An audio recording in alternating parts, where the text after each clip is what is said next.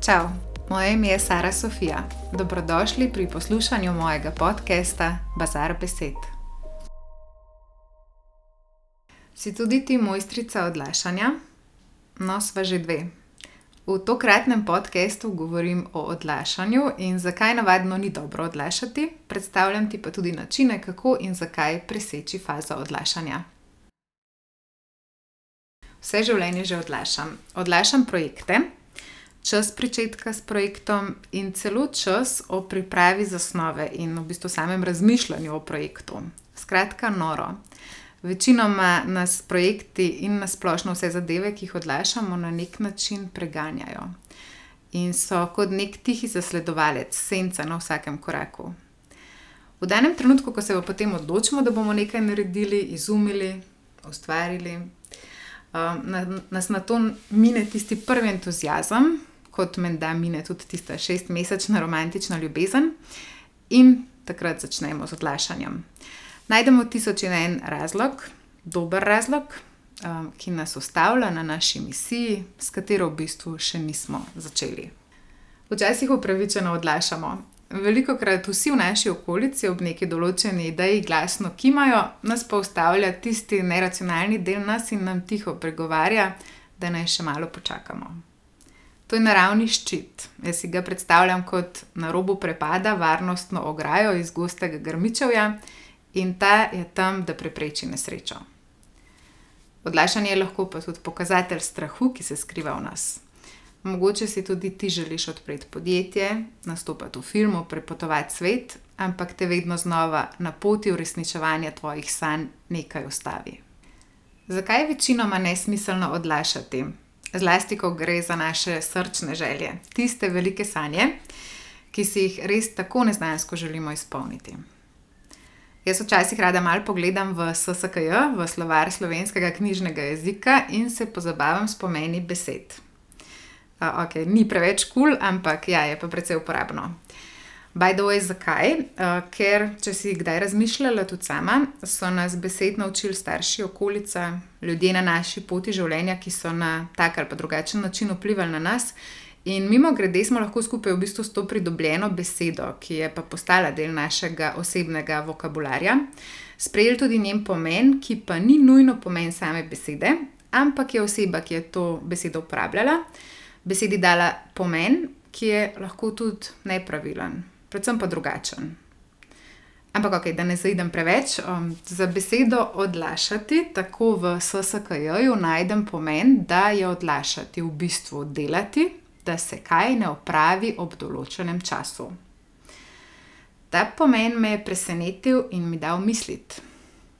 Torej, odlašati ne pomeni nekaj ne delati, ampak delati, da se nekaj ne dela. Torej, v bistvu kurimo energijo prazno.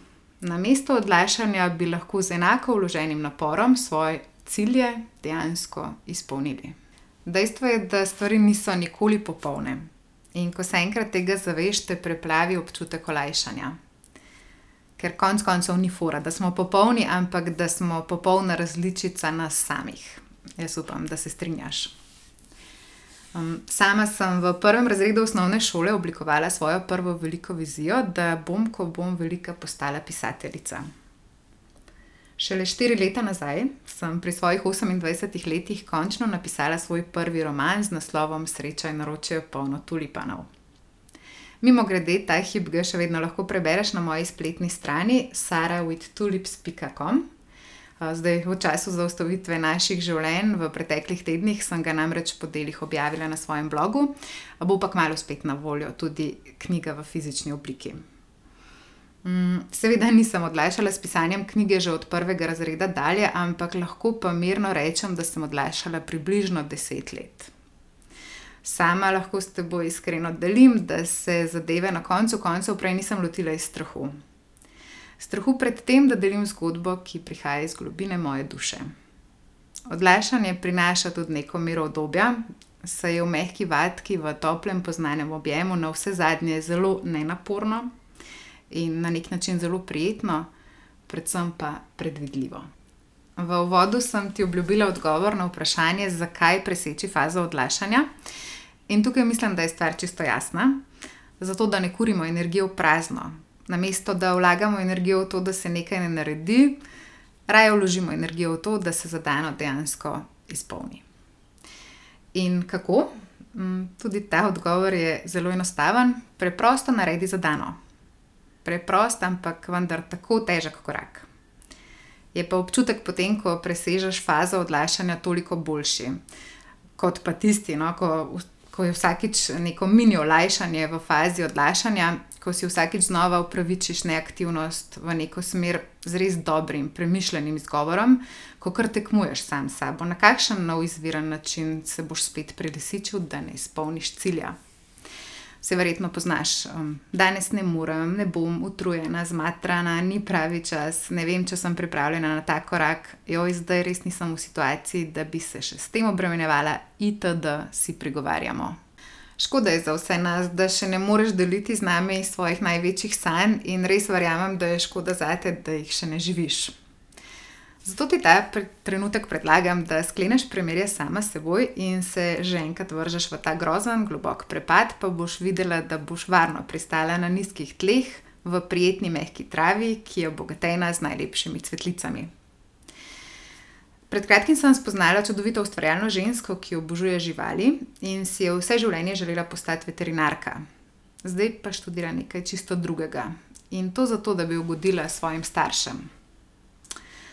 Verjamem, da vsak izmed nas ob misli na to začuti žalost in nelagodje, ker prav vsi radi kdaj odgovornost za svojo srečo preložimo na pleča drugih. Ampak tudi to ne bo utišalo naših največjih krepenenj. Zato jih in se raje preprosto osvobodimo in razprimo krila ter poletimo.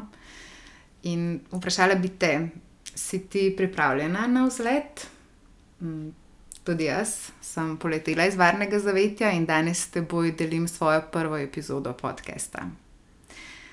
Tokrat zato ne bom odlašala, ampak raje odletim naprej. Pa se vidiva pod nebom, kjer sonce sveti najmočneje. Do naslednjič, čau!